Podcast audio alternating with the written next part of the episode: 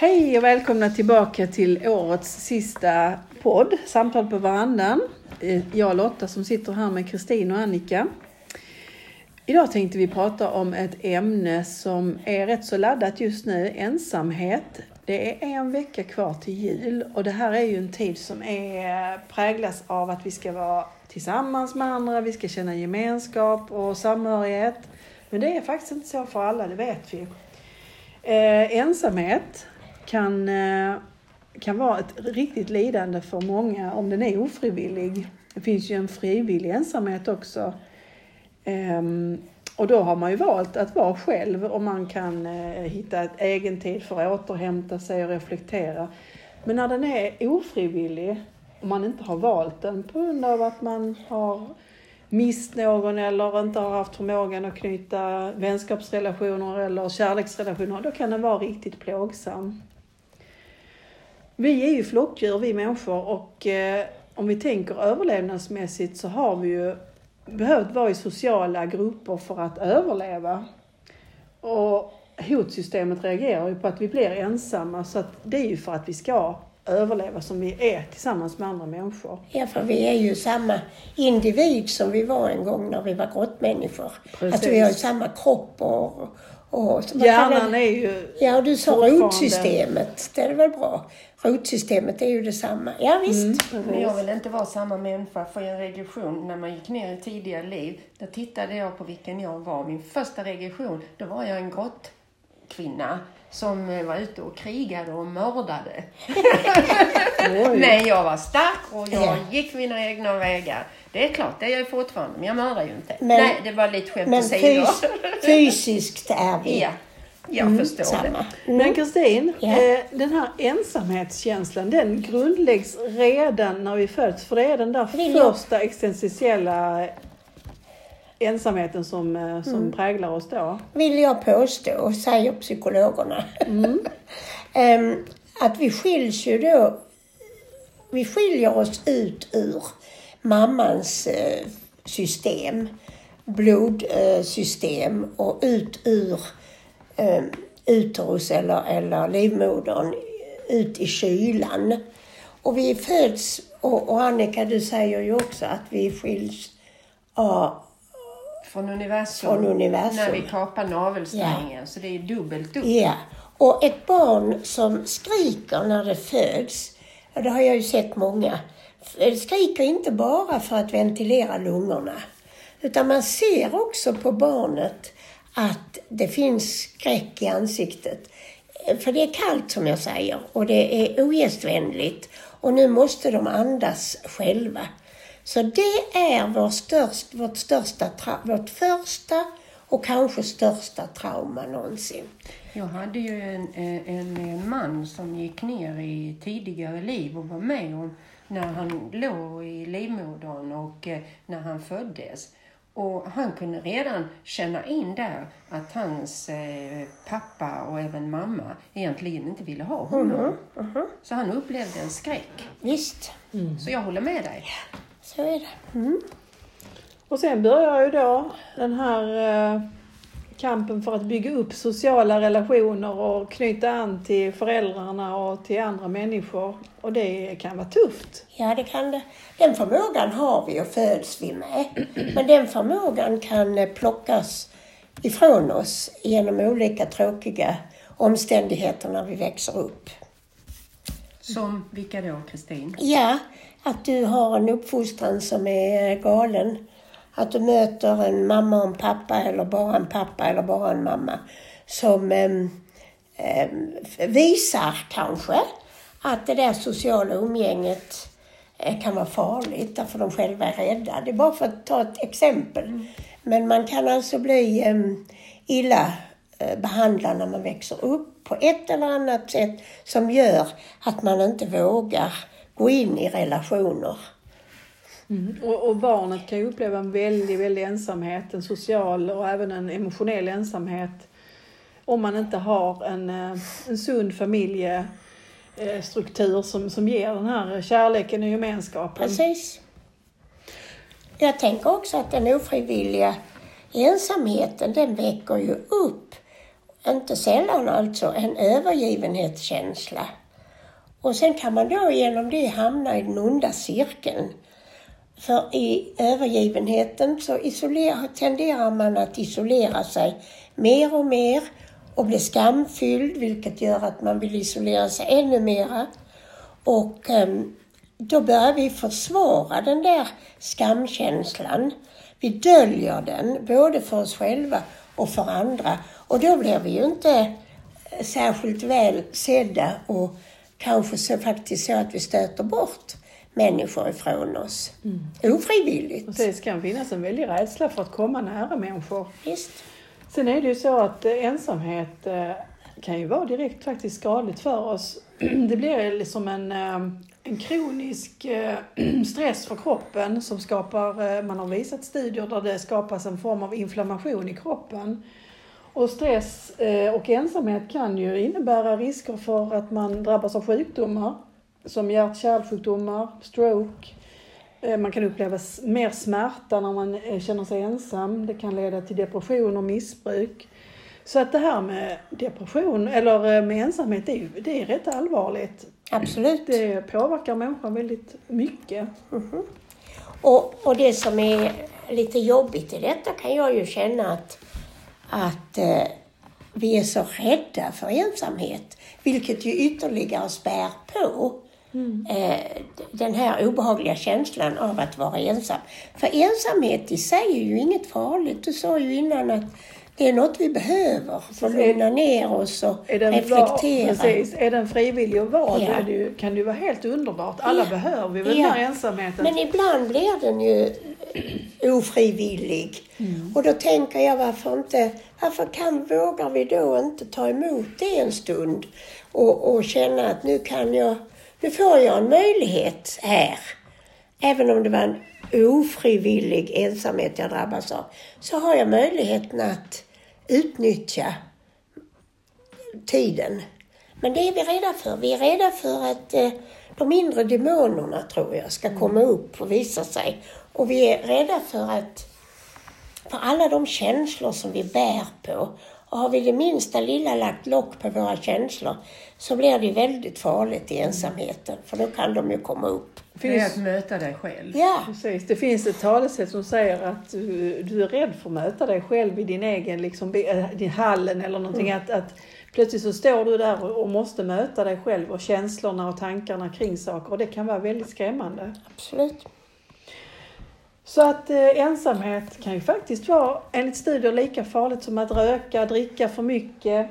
Eh, eller att vara kraftigt överviktig. Så att vi ska, vi ska, vi ska se till att ingå i sociala sammanhang, att, att hitta social eh, samvaro. Och har vi problem med det, då får, vi, då får vi be om hjälp. För det finns ju mycket hjälp att få. Absolut. Jag tänker på de här, ehm, eller när vi är rädda för vår ensamhet, som ju också kan eh, bottna i Eh, misstro till människor. Det var det jag menade man lär sig utav sina föräldrar eller andra vuxna omkring sig när man växer upp. Att eh, misstro eller ett slags människoförakt.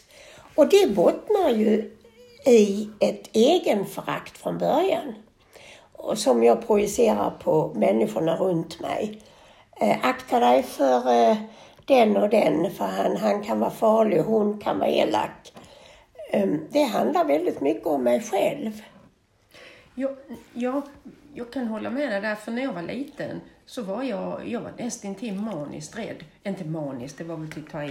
Jag var väldigt rädd för att vara ensam. Och vet ni varför? För då kom alla gestalterna från andra sidan. Mm.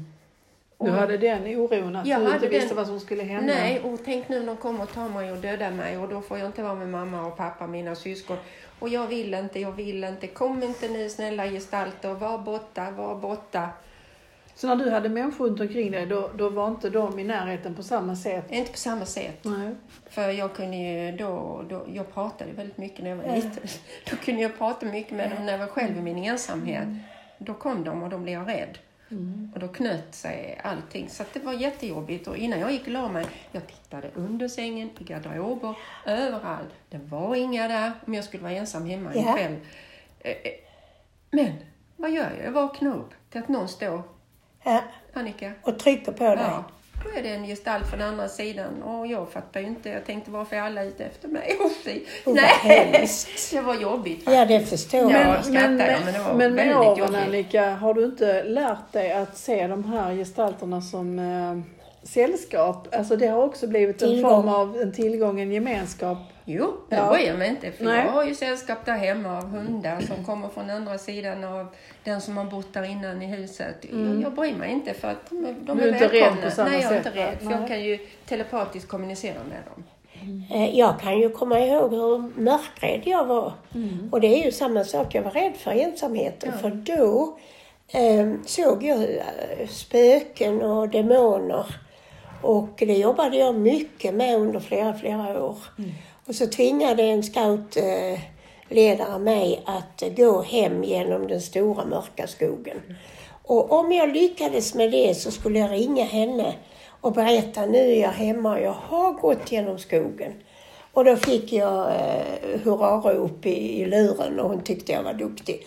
Och faktum är att det hjälpte mig på vägen. Så att där släppte nog jag väldigt mycket utav rädslan för ensamhet. Eh, så kanske var det eh, en bra metod. Jag tyckte den var grym då. Men, eh, Men det kan ju vara så också att man ska utmana sin Ja. rädsla för ensamheten. Precis. Även när man är vuxen. Man ska våga vara själv hemma och möta de här tankarna och känslorna som man kanske vill fly från genom att träffa folk och aktivera sig. Vågar man göra det och vara i känslan så brukar man ju upptäcka att den försvinner ju efter ett tag. Den här kraftfulla reaktionen. som är rädsla och skam. Absolut. För det kan vara lika mycket skam. Jag tänker på eh, ja, den slagna, misshandlade kvinnan. Hon, hon skäms ju väldigt mycket. Hon tar ju på sig den skammen som eh, mannen skulle bära egentligen. Och sen eh, drar hon någon slags falsk eh, slutsats om att eh, männen är farliga och jag vågar aldrig mera kanske liera mig med en man. Jag vågar kanske inte ens tro på människor överhuvudtaget längre. Och då, då är det ju väldigt missriktat. Men det är inte ovanligt. Men varför blir det så egentligen? Att, att, att kvinnan som har blivit slagen riktar, riktar sin, eh, alltså till sig själv. Ja. För jag kommer ihåg när jag var liten och jag blev utsatt för övergrepp. Jag hade ju väldigt mycket skam och jag riktade ju det mot mig själv. Ja, Jag precis. känner ju igen mig i den här kvinnan. Och det var jätte, jättejobbigt. Alltså barn gör det ju alltid. Ja, det Men jag. som vuxen kvinna kan man ju naturligtvis undra vad, vad är det som händer? Men eh, det kan ju vara till exempel, jag skäms för att jag valde en sån här man till mig. Jag skäms för att jag stannade kvar så pass länge. Fast jag borde ha gått vid första slaget. Så det eh, kan vara många saker.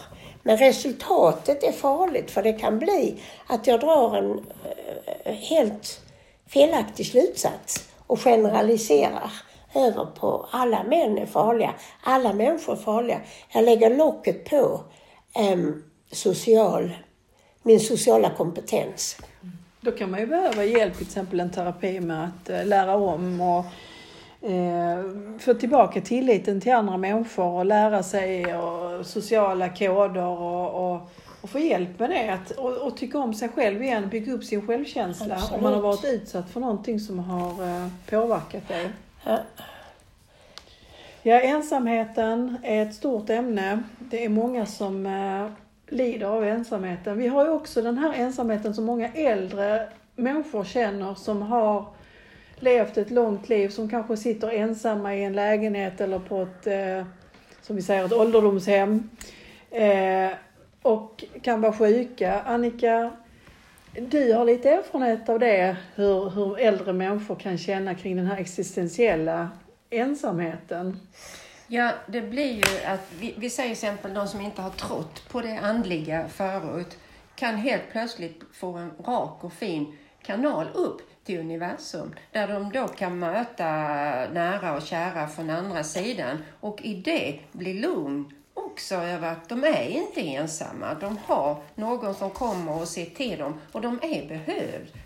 Och det är väl jättevackert tycker jag, för att de får ju också hjälp alla är ensamma. Alla, vi dör ju ensamma. Vi kan ju ha nära och kära runt omkring oss. Va? Men vi får alltid hjälp av en dödsängel och även av de som har gått över. Så att vi är aldrig ensamma. Därför tycker jag det är så fint när de här gamla människorna, att de blir en öppen kanal och att de får tillgång till gemenskap Vilket från man, universum. ja, och vilket man ju kan bevittna. Jag har i alla fall gjort det när jag har suttit vid dödsbäddar och sett hur, hur em, i döds, strax innan dödsögonblicket, um, de blir lugna och ser förnöjsamma och, och, och glada ut. Och plötsligt så är de helt, från att ha varit medvetslösa, så eh, kan de sätta sig upp och säga hej, är ni här? Och nu tror man att jaha, nu vänder det. Istället så är det precis det du säger. Eh, de har sett någonting på andra sidan som de längtar till. Kübler-Ross, Kübler-Ross heter hon väl, en eh, psykiater som har skrivit många böcker om det här dödsögonblicket. Hon beskriver ju att eh, det blir en, en lycka, lyckans skimmer. Ja. Och de ser ljuset och de vill till det stora ljuset. Ja. Eller hur? Ja, visst är det så. Och jag tycker det är så fantastiskt. Jag vet även dementa människor har ju också en, de kan ju vara ensamma i sin demens ju, för de blir så introverta. Ja. Men vissa, jag kan inte säga att alla, men många utav dem har ju också tillgång till folk från andra sidan. Min mamma, hon var väl lite dement och hon tyckte det var jättebra för rätt som det var så var den där och den där. Men så ska jag ta bort det till dig mamma och föra över då? Nej, inte det. Det är så fint när de är här och hälsar på. Och det var minnena också klart som Ja. hjälpte henne till Ja, det. visst var det det. Ja, vad gulligt. Man har också sett att eh, människor med mycket smärta mår ju mycket bättre när det finns människor runt omkring dem. Beröringen utsöndrar eh, hormoner som lindrar både smärta och ångest och eh, ensamhetskänslorna. Och det bevisar också att vi är sociala, vi behöver vara tillsammans för att må bra. Absolut. Men jag tror att ändå så har vi förstorat upp det här med, i varje fall julen. Ensam på julen, det brukar folk säga. Och fy så hemskt. Och, och så kan vi säga till varandra, jag hoppas du inte ska behöva sitta ensam i jul. Ja, men jag tycker om att sitta ensam Ja, men jag menar, har vi förstorar upp det på något vis. Det blir väldigt laddat kring just den Laddade. här eh, högtiden. Ja. Ja. Och, och jag tror att jag kan komma ihåg en, jag kan komma ihåg när jag har suttit ensam på Det har inte varit många jular. Men när jag har gjort det så har jag tänt ljus och blivit lite mer. Ja. Jag vill. blivit lite mer andlig kan jag säga. När jag inte har behövt hålla på med mat och disk och sådana saker. För de här extremt stora släktjularna, de kanske är fyllda av mycket ensamhet trots att det är mängder med människor. Det, det, det är ju känslan som är det viktiga här, hur man upplever det. Inte hur många människor som finns runt omkring oss. Nej, just det. det engelsmännen skiljer ju på lonely och alone. Alone kan jag vara när jag till exempel är ensam i rummet. För de andra har gått en promenad. Men lonely, loneliness, det är den där hemska ensamheten som på svenska ibland brukar kallas alienation. Då jag kan känna mig jätteövergiven och ensam trots att det sitter människor runt mig och pratar med mig. Och det är den ofrivilliga farligaste av alla ensamheter. För det är den som ger en ond cirkel ju, utav att eh, känna sig oälskad och icke värd någonting. Och, Men vi lever ju i en väldigt bra tid för det finns ju väldigt många möjligheter till stöd och samtal och samvaro. Och man, även om man har hamnat i en eh, utsatt situation, man är i någon form av kris, man har drabbats av sjukdom, man är man har eh, förlorat någon. Det finns ju mycket sådana här sorgegrupper, stödgrupper, eh, inte minst på nätet och även eh, det finns ju präster som pratar med människor som är i sorg och kris och känner sig... Alltså det finns många möjligheter att eh, ta tag i sin ensamhet och Ja. bryta den. Eh, Ja. det behöver inte vara hopplöst och Nej. nattsvart för att man har drabbats av någonting.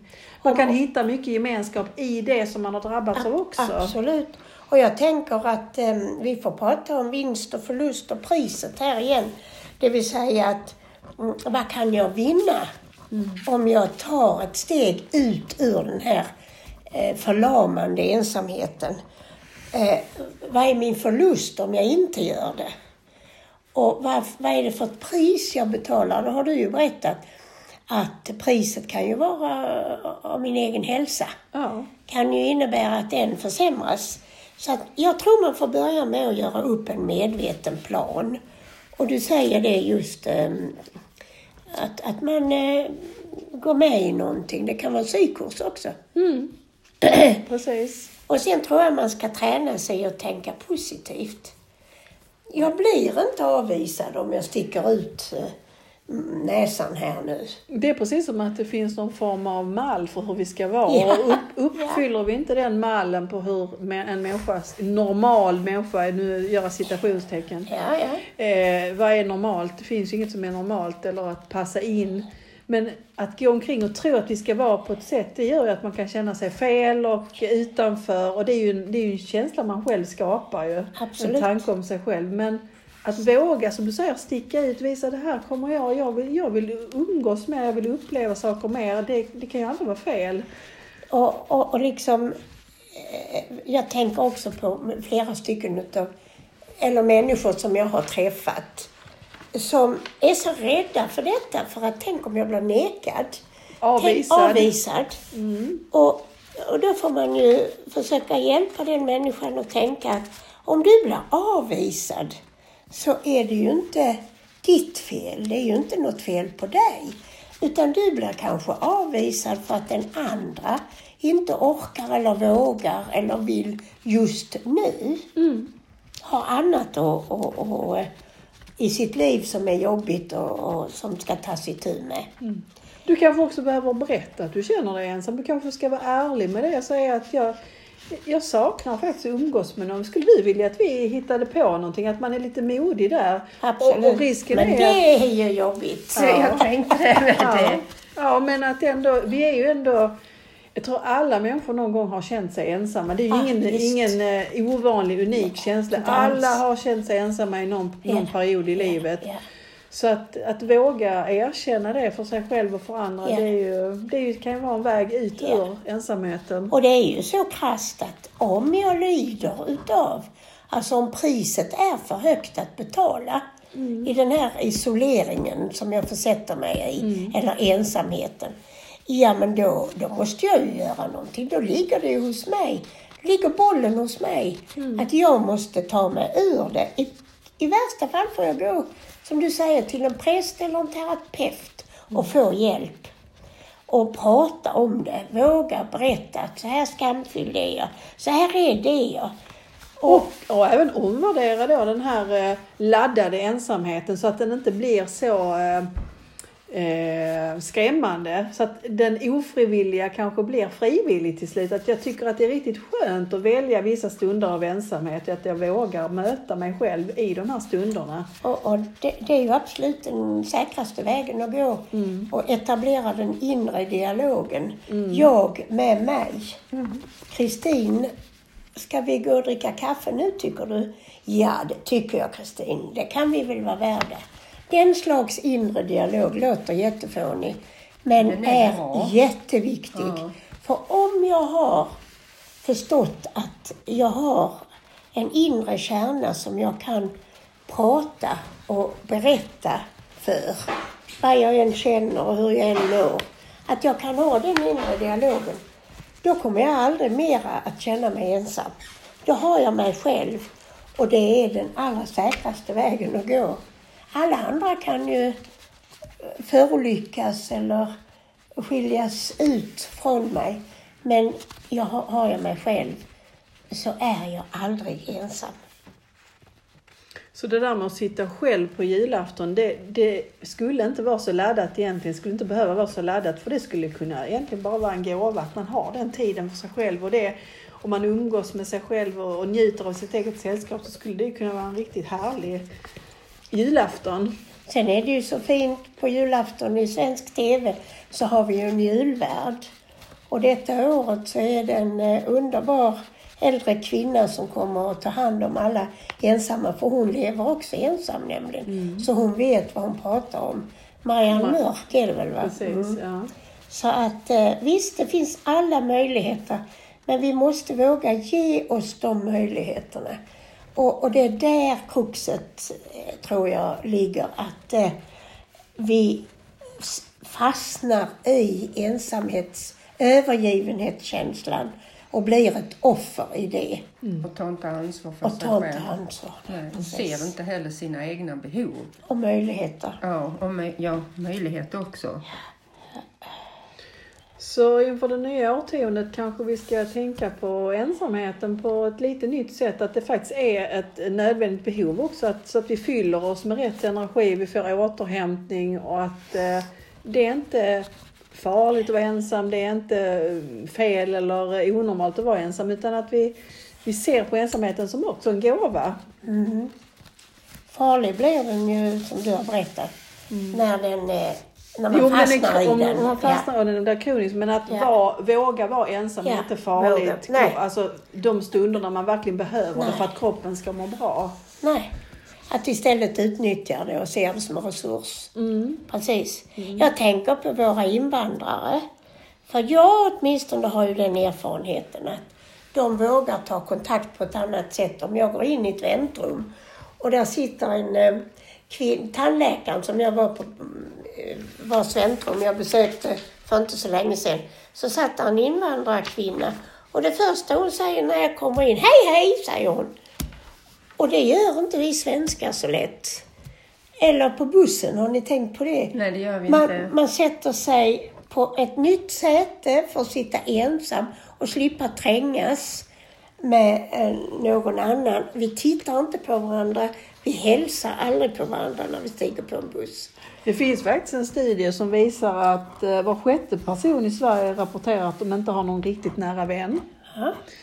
Och sen har eh, 4 procent eh, uppgett att de är socialt isolerade. Så det finns ju väldigt många eh, ensamma människor i Sverige som upplever att Ja. de inte har någon... eh, Och det kan ju vara att vi, vi har... Vi har inte den traditionen att vi bjuder in och att vi liksom, eh, som du säger, hälsar på alla, att vi eh, öppnar upp för alla och inkluderar kontakt. alla och tar Ja. kontakt.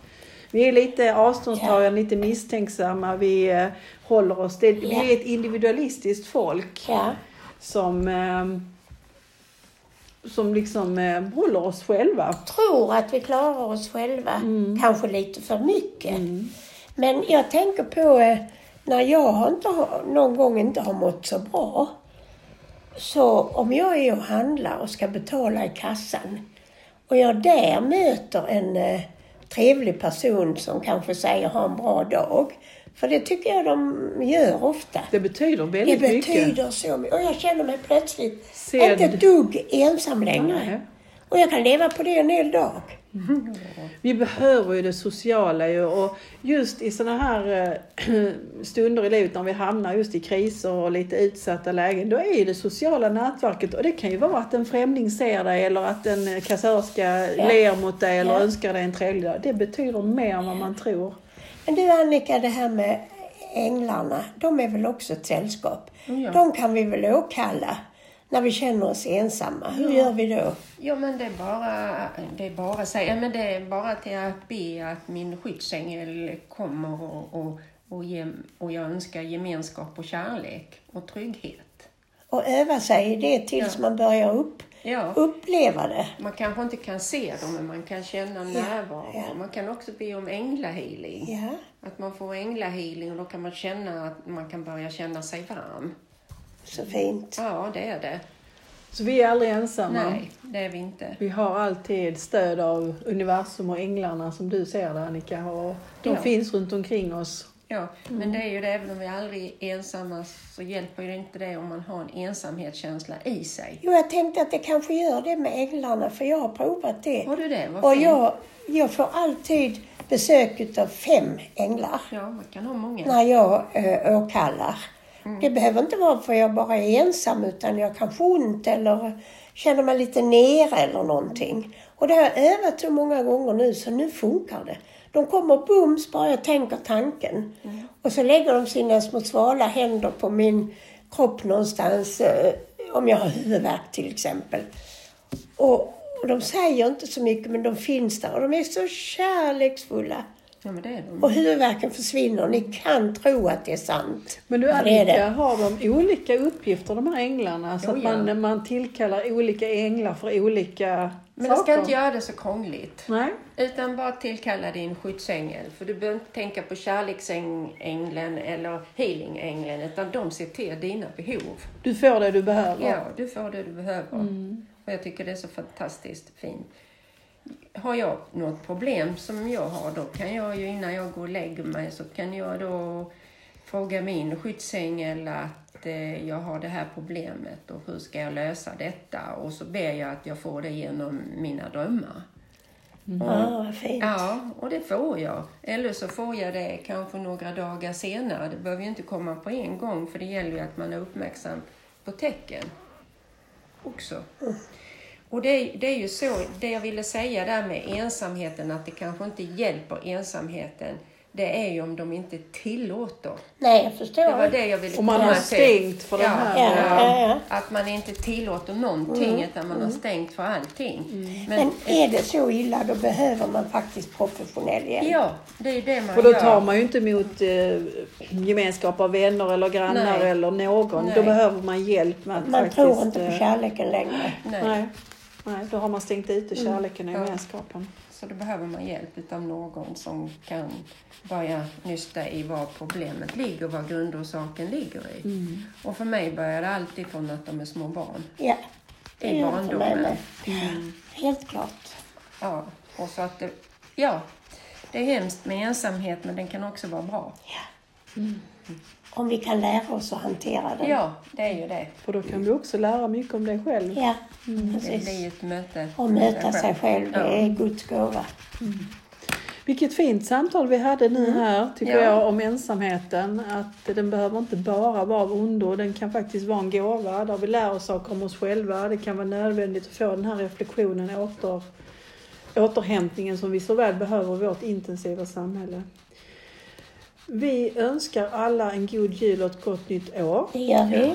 God jul, gott God nytt jul. år. Gott Så, nytt. hör, så hörs vi Nästa, 2020. Ja. gör vi. 2020. Ha det så bra. Ha det så bra till dess. Hej då! Ja, tack, hej.